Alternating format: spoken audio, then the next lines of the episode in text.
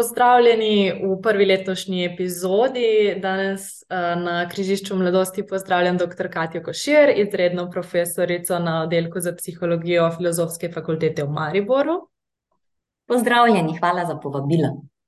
Naša današnja tematika bo medvrstniško nasilje, o katerem smo veliko slišali v začetku tega leta, ker se v šolah vedno bolj pojavlja. Uh, mogoče, oziroma boste tudi vi povedali, ali se vedno več pojavlja, ali se o tem mhm. samo več govori. Uh, tako da bi za začetek um, vprašala, kako sploh definiramo medvrstniško mhm. nasilje in v kakšnih oblikah se vse pojavlja. Uh -huh, ja. um, mogoče najprej, če se vedno več pojavlja, ali se o njem vedno več govori, pravzaprav zelo težko ne, uh, odgovorim na to vprašanje. Zagotovo se o njem več govori. Nimamo za res empiričnih podatkov, na osnovi katerih bi lahko rekli, ali se tudi več pojavlja. Je pa res, ne težko rečemo, ali je ta povečana pozornost, uh, senzibilno, oziroma pove, povečano poročanje o tem pojavu dejansko posledica večje senzibilnosti, ali gre dejansko za višje stopnje medvrstniškega nasilja. Um, skratka, kako bi ga definirali, ker ste ravno omenili nedavne dogodke, ne, o katerih je bilo tudi v medijih veliko govora, pa bom potem se na njih referirala. Medvrstniško nasilje je načeloma opredeljeno kot namerno, ciljno usmerjeno vedenje, ki vključuje neravnovesje moči in se običajno ponavlja. Torej, namerno, ciljno usmerjeno, to pomeni, da je običajno cilj tistega, ki ta cilj ni vedno ozaveščen, ne, ampak običajno je v zadju izvajanja eh, medvrstniškega nasilja nek, neka namera. In običajno, najpogosteje je pravzaprav glavni motiv uh, za izvajanje medvrstniškega nasilja višanje rejtinga v skupini, torej krepitev socialne moči. Uh, neravnovesje moči je pa tisti drugi kriterij, ki je pa pravzaprav ključen, ko opredeljujemo medvrstniško nasilje in zelo dobro pojasnjuje, oziroma zelo dobro lahko z njim opišemo razliko med konfliktom in medvrstniškim nasiljem.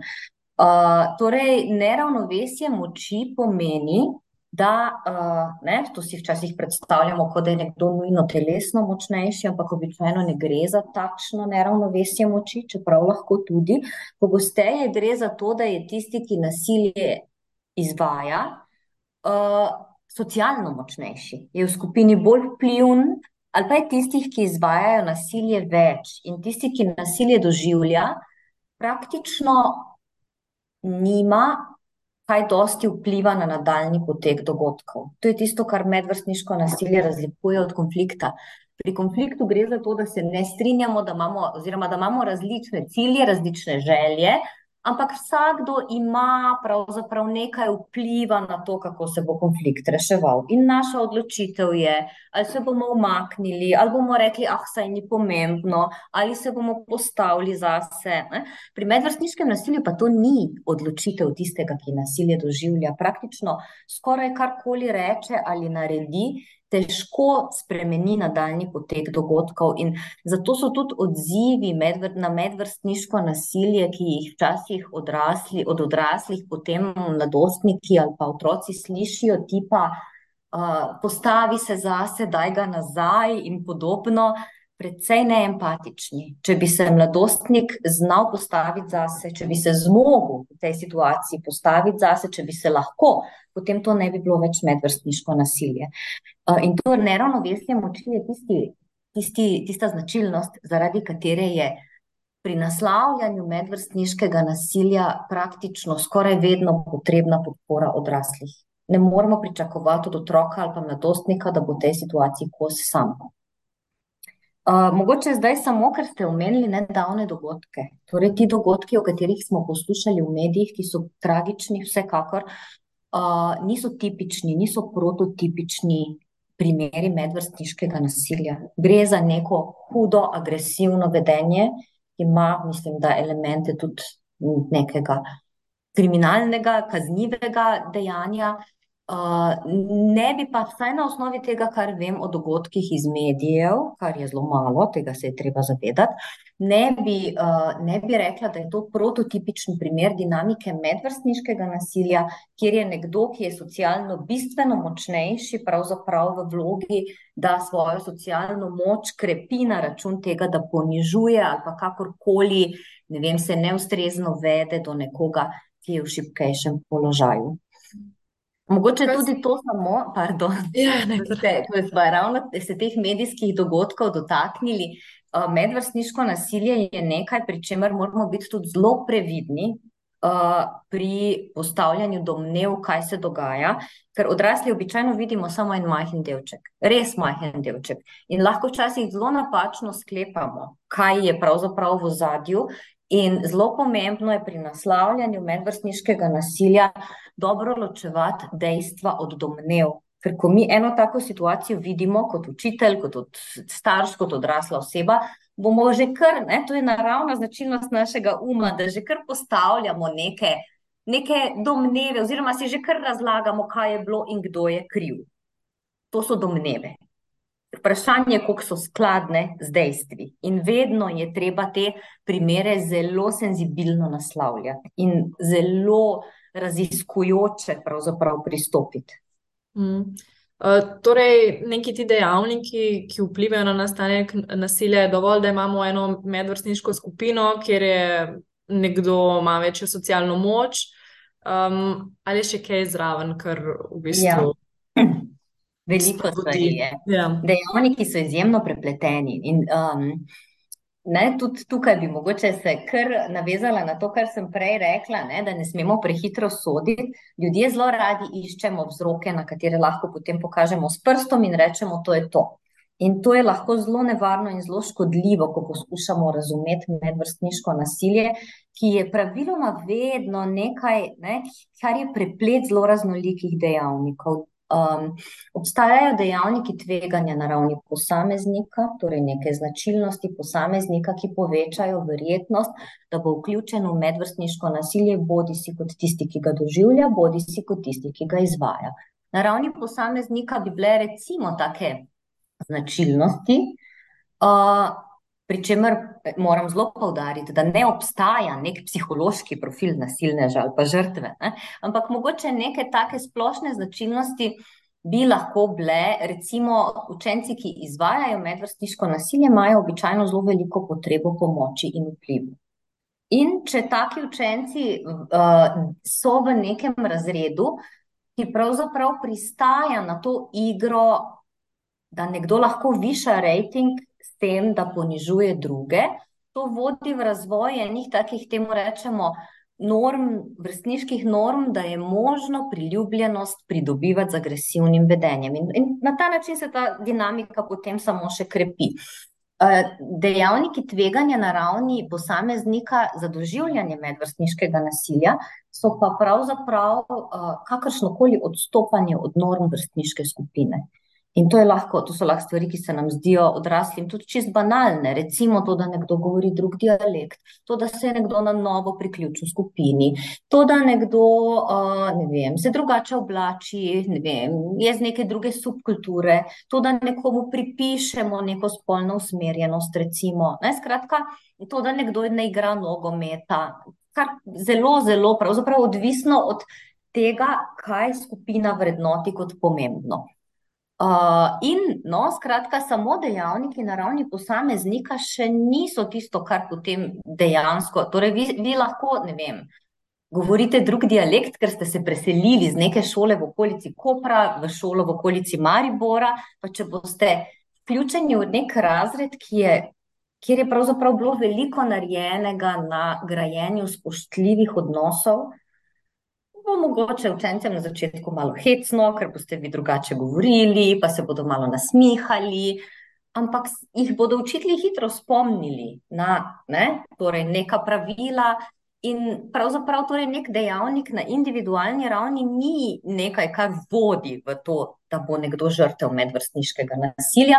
Če pa se temu pridružijo dejavniki na ravni razreda, torej če gre za nek razred, kjer so se razvile norme, da je kul cool in da pravzaprav je zabavno odmore preživljati tako, da se z nekoga norčujemo, ali pa kjer so se mogoče razvile celo kakšne, ne vem, kakšna obračunavanja ali pa igrice nekega odnosnega nasilja ali pa spletnega nasilja, je pa to potem pravzaprav nekaj, kar je še dodatno neugoden dejavnik ne, na ravni vrstniške skupine. In, uh, in kar poveča verjetnost, ne, da boste kot nekdo, ki je recimo se pridružil razredu na novo, pa malo odstopa od nekih nepisanih norm vrstniške skupine, pravzaprav postali zelo priročna žrtev. Potem so tukaj še dejavniki na ravni šole, neka šolska klima, to, koliko je pravzaprav na ravni šole medvrstniško nasilje nekaj, kar naslavljamo, o čemer govorimo, kar ni tabu tema. Najbolj nevarna je drža pri nas, ni medvrstniškega nasilja, ne, to je znak za alarm. Uh, koliko, tudi, recimo, kot en tak dejavnik na ravni šole se kaže tudi, uh, koliko ima šola neka, neko jasno strukturo, neka jasna pravila, kaj narediti v takih situacijah, koliko proaktivno rešuje take situacije. Tudi ne vem, koliko učitelji v nekih nestrukturiranih situacijah, kot so odmori ali pa ne vem kosila, v bistvu na en tak neusiljiv način, v bistvu malo spremljajo in nadzorujejo uh, vedenje učencev. In potem so tu seveda še dejavniki na ravni širše družbe, ki so pa ta hip precej neugodni. Ne? Veliko je v nekih javnih razpravah sovražnega govora, poniževanja. In zato veliko krat potem na šolah, kar malo, ne, ko se z učitelji o tem pogovarjam, kar malo obupujejo, pa rečejo, ah, se v šoli ni možno nič narediti, nasilje prihaja iz širše družbe. Jaz lahko razumem to, ta, ta občutek nemoči, pa vendarle. Se pa ne morem strinjati ne, s to tezo, da v šoli ni možno nič narediti, ker kje, če ne v šoli. Ne, torej, šola je pravzaprav eden izmed bolj proaktivnih delov družbe. Šola je tisti ključni prostor, kjer se učimo sobivati, kjer se učimo oblikovati take ali drugačne vrstniške odnose. Uh, in šola je tisti prostor, tisti kontekst, kjer imamo odrasli, kjer imajo učitelji največ vpliva na to, kakšne vrstniške odnose bodo učenci oblikovali. Uh, Vse družina je tudi pomembna, ampak medvrstniško nasilje bi si drznila reči, da je pojav, kjer je pa pravzaprav vpliv šole, učiteljev, torej ne, nek, nekih odraslih, ki delujejo, ki delajo s celotno vrstniško skupino, večji kot vpliv staršev, ki imajo vpliv k večjemu, pa še to, ne, vprašljivo, na vedenje svojega otroka. V skupinah se vedemo drugače, kot se vedemo kot posamezniki. Um, potem, kaj bi lahko v šolah naredili za preprečevanje nasilja, in kaj so neki najboljši koraki, ko se nasilje že zgodi? Veliko krat na koncu v bistvu je žrtev tista, ki je nekako odstranjena iz uh, tega konteksta, ne, da se recimo učenca, dijaka premesti. Tako, ali pa celo sam, da to ja. vidi kot eno rešitev. Mm. To je zelo slaba rešitev. To je rešitev, ki je pravzaprav ne včasih, kadar um, so zadeve šle res že zelo daleč, v redkih primerih je to morda najboljša rešitev. Ampak jaz mislim, da je predvsem ključno preprečevati scenarije, da do tega pride. Ker ta rešitev je slaba tudi zato, ker sporoča, da ne, je problem v tem posamezniku. Mi pa lahko zavedemo naprej, še naprej, tako kot smo se, in seveda, ne, ta dinamika bo ostala, bo pa žrtev nekdo drug. Uh, skratka, kaj, kaj lahko šole naredijo? Uh, tako kot ste tudi vprašanje zastavili, preprečujejo. In preprečevanje tukaj res poplača, uh, kakorkoli že se zdi preventiva zahtevna, pravzaprav terja mnogo manj energije, kot gašenje nekih požarov, potem, ko se, um, ko se neka problematična dinamika že razvije. Zelo težko je spremenjati problematično vrstniško dinamiko v sedmem, osmem razredu, če se je pravzaprav postopno oblikovala skozi vseh teh sedem let šolanja. Uh, kaj pa mislim, ko govorimo o preprečevanju? Preprečevanje medvrstniškega nasilja je pravzaprav skrb za spoštljive odnose.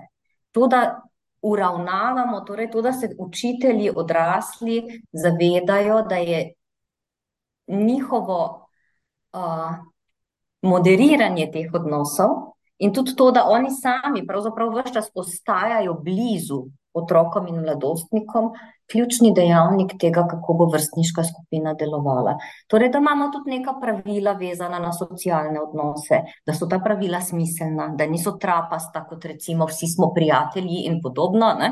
Torej, pravila naj bi vedno regulirala vedenje, ne doživljanja. In tisto, kar je ključno, predvsem pri mlajših učencih, uh, kjer je veliko krat kako problematično vedenje, še posledica tega, da učenec enostavno, otrok enostavno ne zmore uravnavati nekih močnih čustev, je to, da učence učimo, torej, ne, da postavljamo jasne meje njihovemu vedenju, da ne dovoljujemo takih opravičevanj ali pa razlag, kot jih učitelji pogosto slišijo, udaril sem ga, ker mi gre na živce, ne vem, uh, obrekovali smo jo, ker jo sovražimo in podobno. Uh, ampak ne na način, ne smeti iti na živce, ne smeš je sovražiti. Torej, vsa čustva so ok in legitimna, niso pa legitimna vsa vedenja. Učiti shajati učence tudi s takimi zelo močnimi, intenzivnimi doživljanji, ki so v tako heterogeni skupini, kot je osnovnošolski razred, pač normalna. Torej, učiti sobivati, tudi kadar je težko, in biti zraven, in pravzaprav biti en model tega, na kak način postavljati meje, pa biti spoštljiv. Razumeti tudi to, da kdaj ne gre, da je kdaj težko, ampak vztrajati pri tem, da se drug do drugega vedemo spoštljivo, pogovarjati se o razliki med tožarjenjem in poročanjem. Um, veliko se pogovarjati tudi o situacijah medvrstniškega nasilja, preden se zgodijo ker nas to potem opolnomoči. Namreč, ne, prej sem rekla, da je ključni, ključni cilj medvrstniškega nasilja krepiti socialno moč. In tukaj igra to igro celoten razred. Torej, ne, nasilne te socialne moči ne more krepiti, če mu je ostali učenci ne pripišejo. In uh, če se mi veliko pogovarjamo o medvrstniškem nasilju, že preden se to zgodi, bomo bolj opolnomočeni za neko konstruktivno odzivanje v takih situacijah.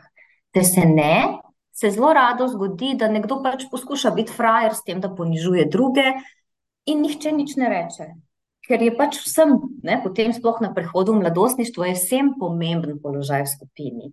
In karkoli rečem, v bistvu ogrozim svoj položaj, nasprotovati nekemu priljubljenemu izvajalcu nasilja je zelo zahtevno, mislim, je zelo tvegano. Pravzaprav.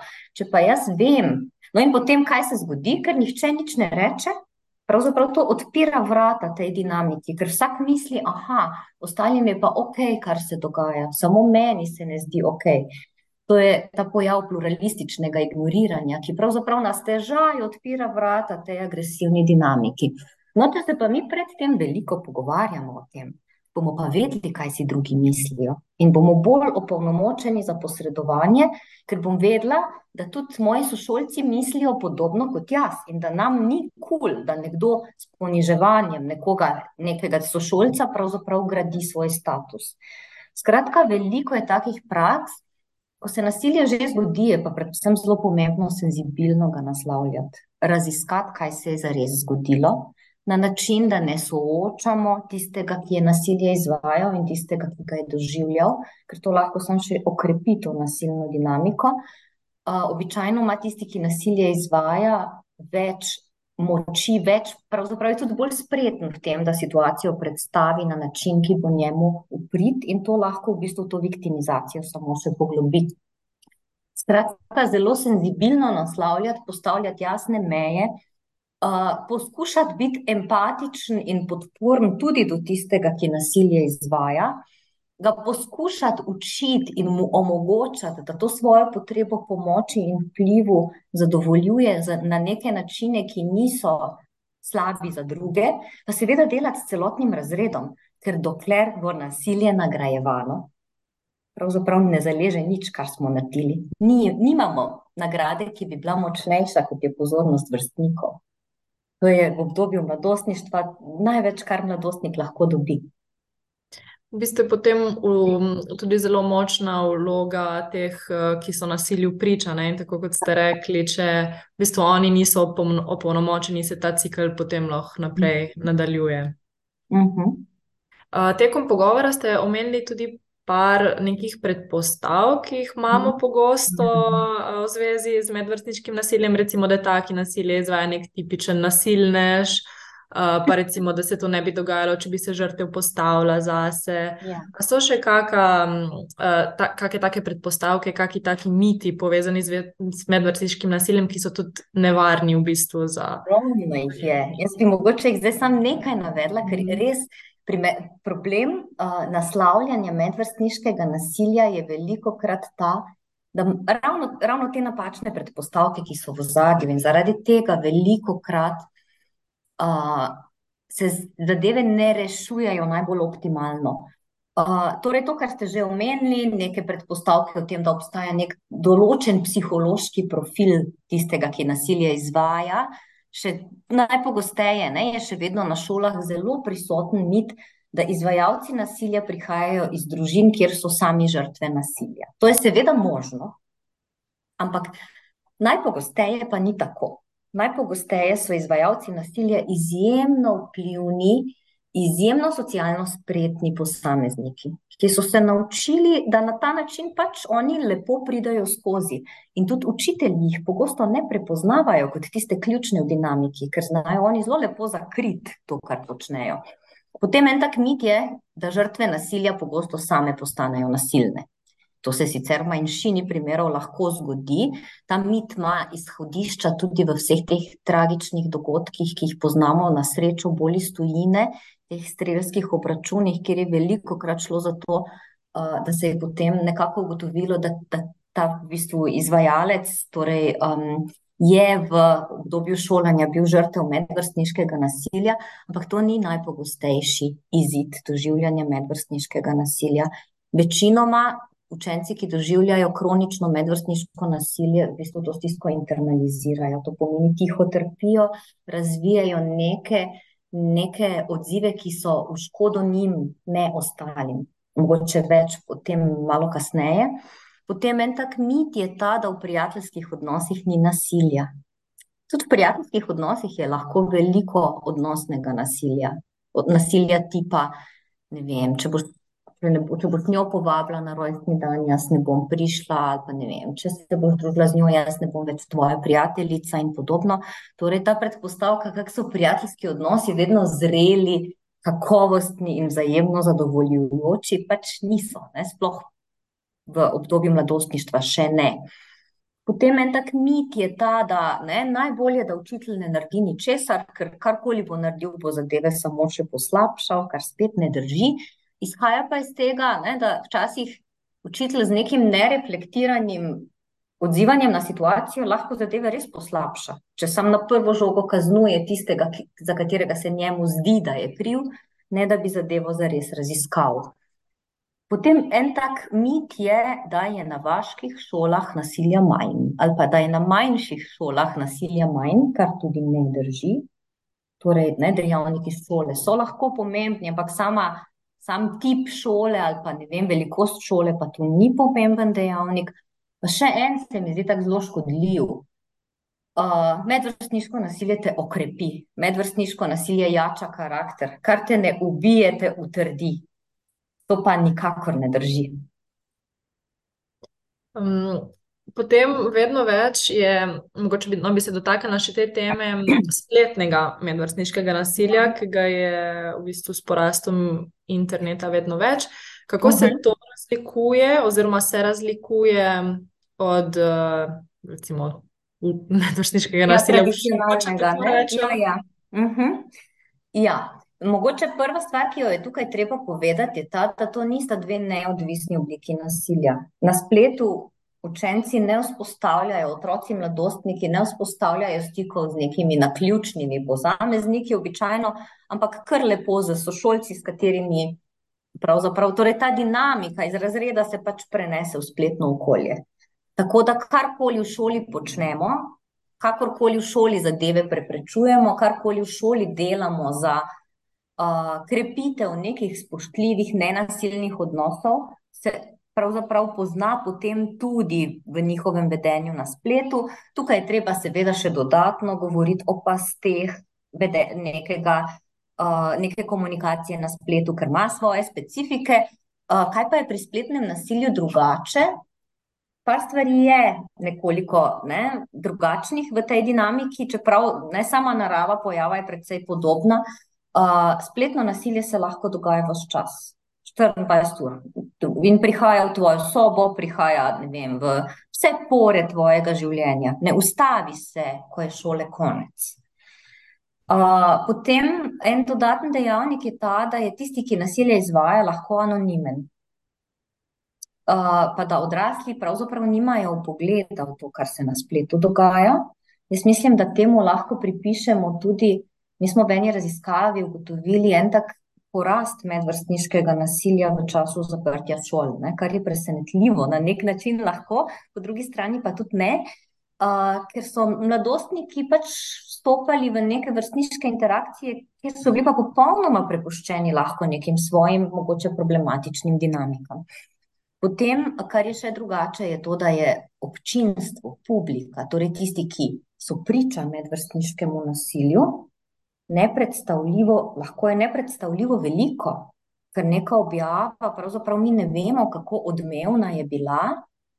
Uh, in tudi, če zelo hitro ukrepamo, pa ne vem, dosežemo izbris neke objave, kar je bilo na spletu, je, je nekje ostalo. Ne? Torej, ta neizbrisljivost je tisto, kar pravzaprav zadeve lahko dela še dodatno pereče ali pa bolj boleče.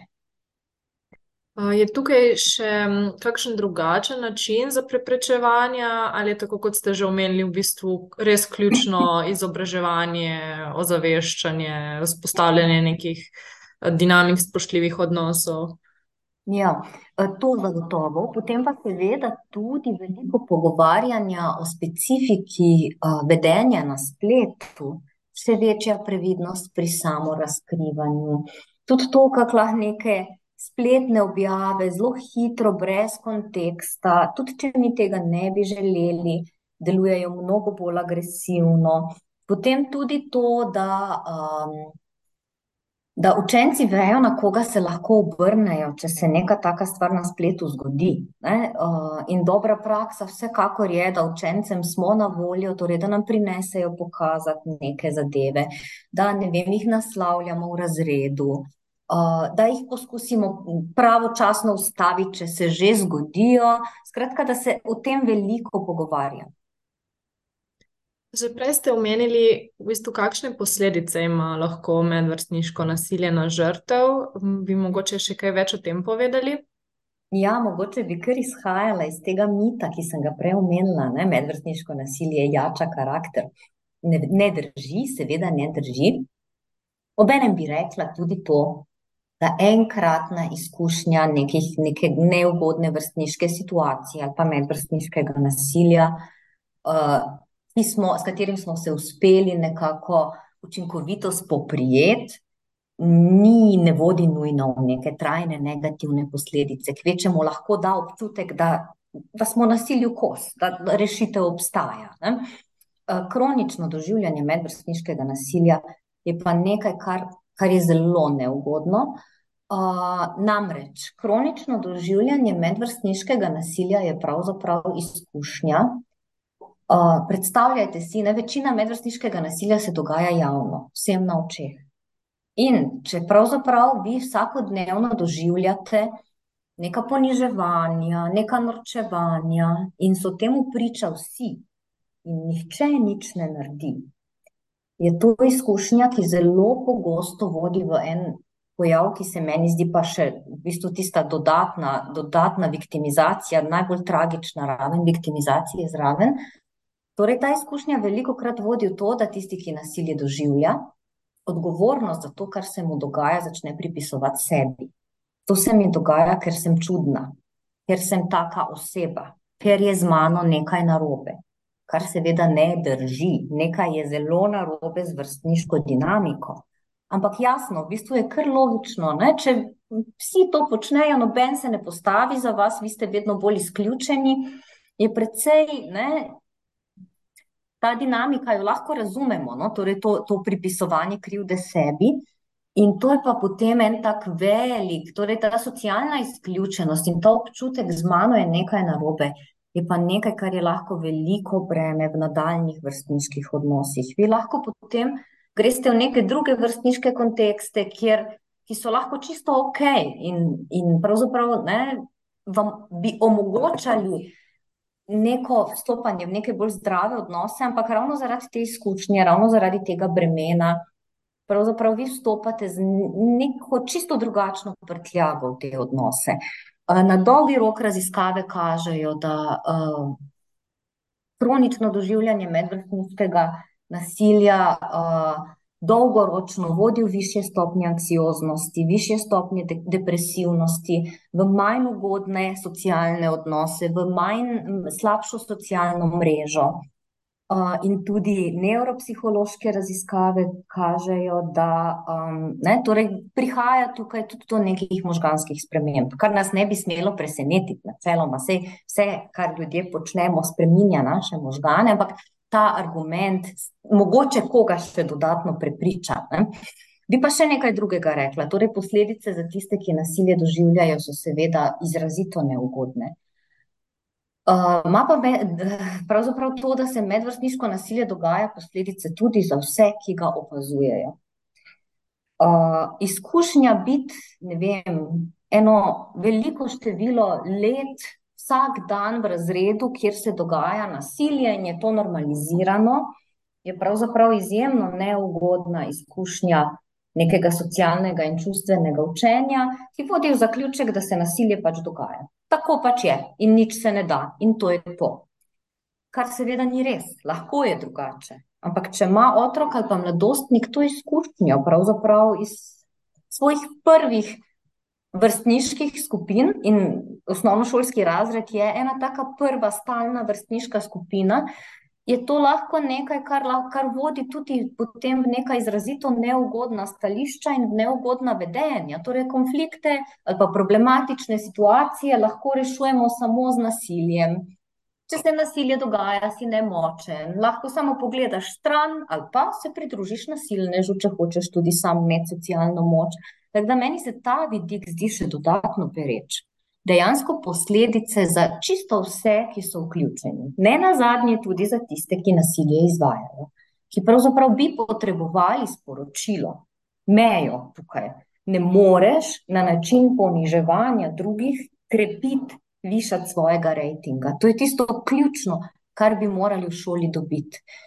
Uh, namreč, ne, torej ne moramo reči, da so tisti, ki nasilje izvajajo, zlobni, slabi, uh, kakorkoli, ne vem, tukaj moralizirati, ampak na dolgi rok, če se pa oni naučijo, da je njihovo nasilno vedenje nekaj, kar je nagrajevano, pa to lahko vodi v nek vedenski vzorec, lahko vodi v bistvu, oblikuje osebnost na dolgi rok. Hm, kaj pa lahko v bistvu storijo žrtve, na koga se lahko obrnejo, ko doživljajo nasilje, poleg recimo učiteljev, staršev, in kako se lahko spopadajo s to prtljago. Ja. Predvsem bi jaz, vsem, ki medvrstniško nasilje doživljajo, sporočila, da to, kar se jim dogaja, ni njihova odgovornost ali njihova krivda.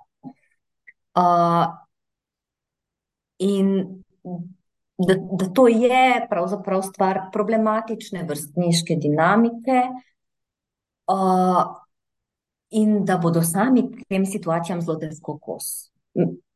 Biti žrtev medvrstniškega nasilja je pozicija veliko krat tudi skrajne socialne izključenosti in temu je otrok zelo težko kos sam.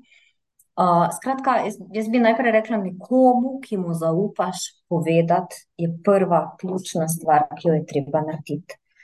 Uh, če nisi slišan pri prvih vratih, pa poskusi naprej. Pomembno je si pridobiti zaveznika, odraslega zaveznika, ki bo pomagal zadeve reševati. Uh, potem pa postopno tudi ta problematična vrstniška dinamika je nekaj, kar se je veliko krat krepilo več let. Čez noč se čudeži ne bodo zgodili, ampak postopno poskušati um, iskati rešitve, uh, se zavedati, da kar se dogaja, ni ok in da vsakdo ima pravico um, do občutka varnosti, do občutka sprejetosti v šoli. Um, in tukaj bi jaz rekla, da največkrat šole so zadnje čase precej ozaveščene na tem področju. Največkrat so učenci slišani, pomembno je si pridobiti podporo, pomembno je povedati stvari, potem pa postopno se stvari lahko spreminjajo na bolje, tudi ne vem, pridobiti si neke ne vem, zaupnike ali pa zaveznike v razredu. Uh, zelo pomembno je, da se na medvrstniško nasilje ne odzivamo z nasiljem, ker to pravzaprav ta začaran krok še krepi in daje uh, alibi, ne? se on je mene nazaj, se on je tudi, se on je tudi nesramen. Ne? Um, tako da, mogoče to pa na dolgi rok eno zavedanje, da ni, ni vedno tako. Torej, tudi če ste imeli vem, v osnovni šoli izku, zelo neugodno izkušnjo, lahko je drugače. Obstajajo vrstniške skupine z drugačnimi vrstniškimi normami. In tukaj bi jaz tudi apelirala na, ne samo na tiste, ki nasilje doživljajo, ampak na, na vse, ker je bolj verjetno, da so najni poslušalci v vlogi opazovalca, kot v vlogi tistega, ki nasilje doživlja marsikdo nasilja ne odobrava, ampak se čuti popolnoma nemočnega karkoli narediti. In dejansko postaviti se za tistega, ki nasilje doživlja, pogosto pomeni tudi tvegati svoj položaj v skupini. S tem, da se izpostavimo in tvegamo, obstaja verjetnost, da se nasilje usmeri tudi na nas. Zato je pomembno, da iščemo neke varne strategije, kako podpreti tiste, ki nasilje doživljajo. Uh, povedati učiteljem, to ni to žarjenje. Ja? Tožim, kadar želim nekoga, nekoga uh, očrniti ali pa sebe prikazati v lepši luči, poročam, kadar gre za neko nevarnost. Uh, potem preveriti, kaj si drugi učenci mislijo o tem, kar se dogaja. Mogoče pa nismo edini, ki razmišljamo tako.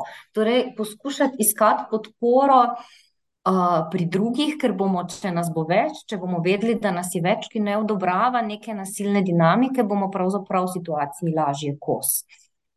Um, skratka, zelo pomemben je odziv čisto vsakega posameznika in zato bi jaz apelirala na, na vse mladostnike, da malenkost razmislijo, koliko sami mogoče z nekimi svojimi odzivi prispevajo k nasilni dinamiki. S tem, da se smejijo nesramnim šalam, tem, da ne vem, od, ne vem, dajajo vedeti, občudujejo neke učence, ki so pravzaprav zelo uh, glasni, dominantni na račun poniževanja drugih v razredu.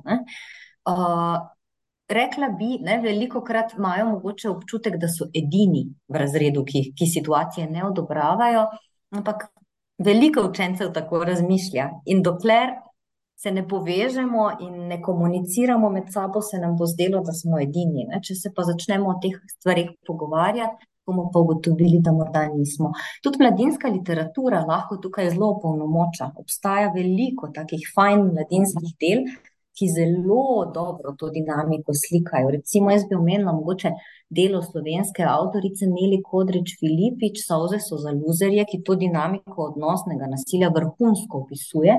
Za mlajše učence mogoče knjigo Jaz sem Jack, ki zelo lepo opisuje, kako je lahko žrtev medvrstniškega nasilja kdorkoli in kako je to situacijo postopno mogoče spreminjati.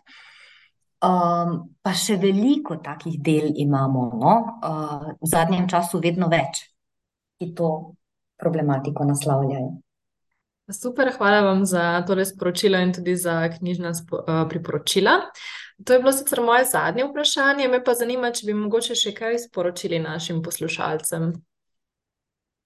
Ha, mogoče samo to, da um, da smo za preprečevanje medvrstniškega nasilja odgovorni vsi in da tudi, ne, torej, mogoče bi rekla to v eni raziskavi, ki je tako zelo veliki, ki jo zdaj izvajamo o medvrstniškem nasilju. uh, smo dobili eno, uh, ena, ena deklica je tako zelo, zelo uh, skoraj nevidno. V, na koncu vprašalnika napisala eno sporočilo, ki je šlo v smer, zanima me, zakaj to sploh proučujete, sej ne morete nič narediti. Nasilje se pač dogaja, tako je. In to se meni zdi kar pretresljivo sporočilo za zaključek osnovne šole. Deklica je bila namreč deveta šolka. In predstavljam si, da tudi marsikdo, ki, ki naj posluša, pravzaprav na osnovi nekih svojih izkušenj pride do takih zaključkov. In jaz bi mogoče rada rekla, da ne, ni treba, da je tako. In bi zaželela uh, mladim poslušalcem, da bi se čim večkrat znašli v vrstniških skupinah, ki zmorejo graditi drugačne, spoštljive odnose, ki ne temelijo na izključevanju. Ma pa seveda tukaj ne, torej vpliv na to čisto vsak član skupine. Najlepša hvala za te besede in za pogovor, ki je bil zelo informativen. In sem prepričana, da bo marsikateremu poslušalcu medvrstniško nasilje naslikal na nek nov način, um, na katerega do zdaj še niso oziroma nismo razmišljali. Uh, tako da še enkrat najlepša hvala. Hvala vam za povabilo.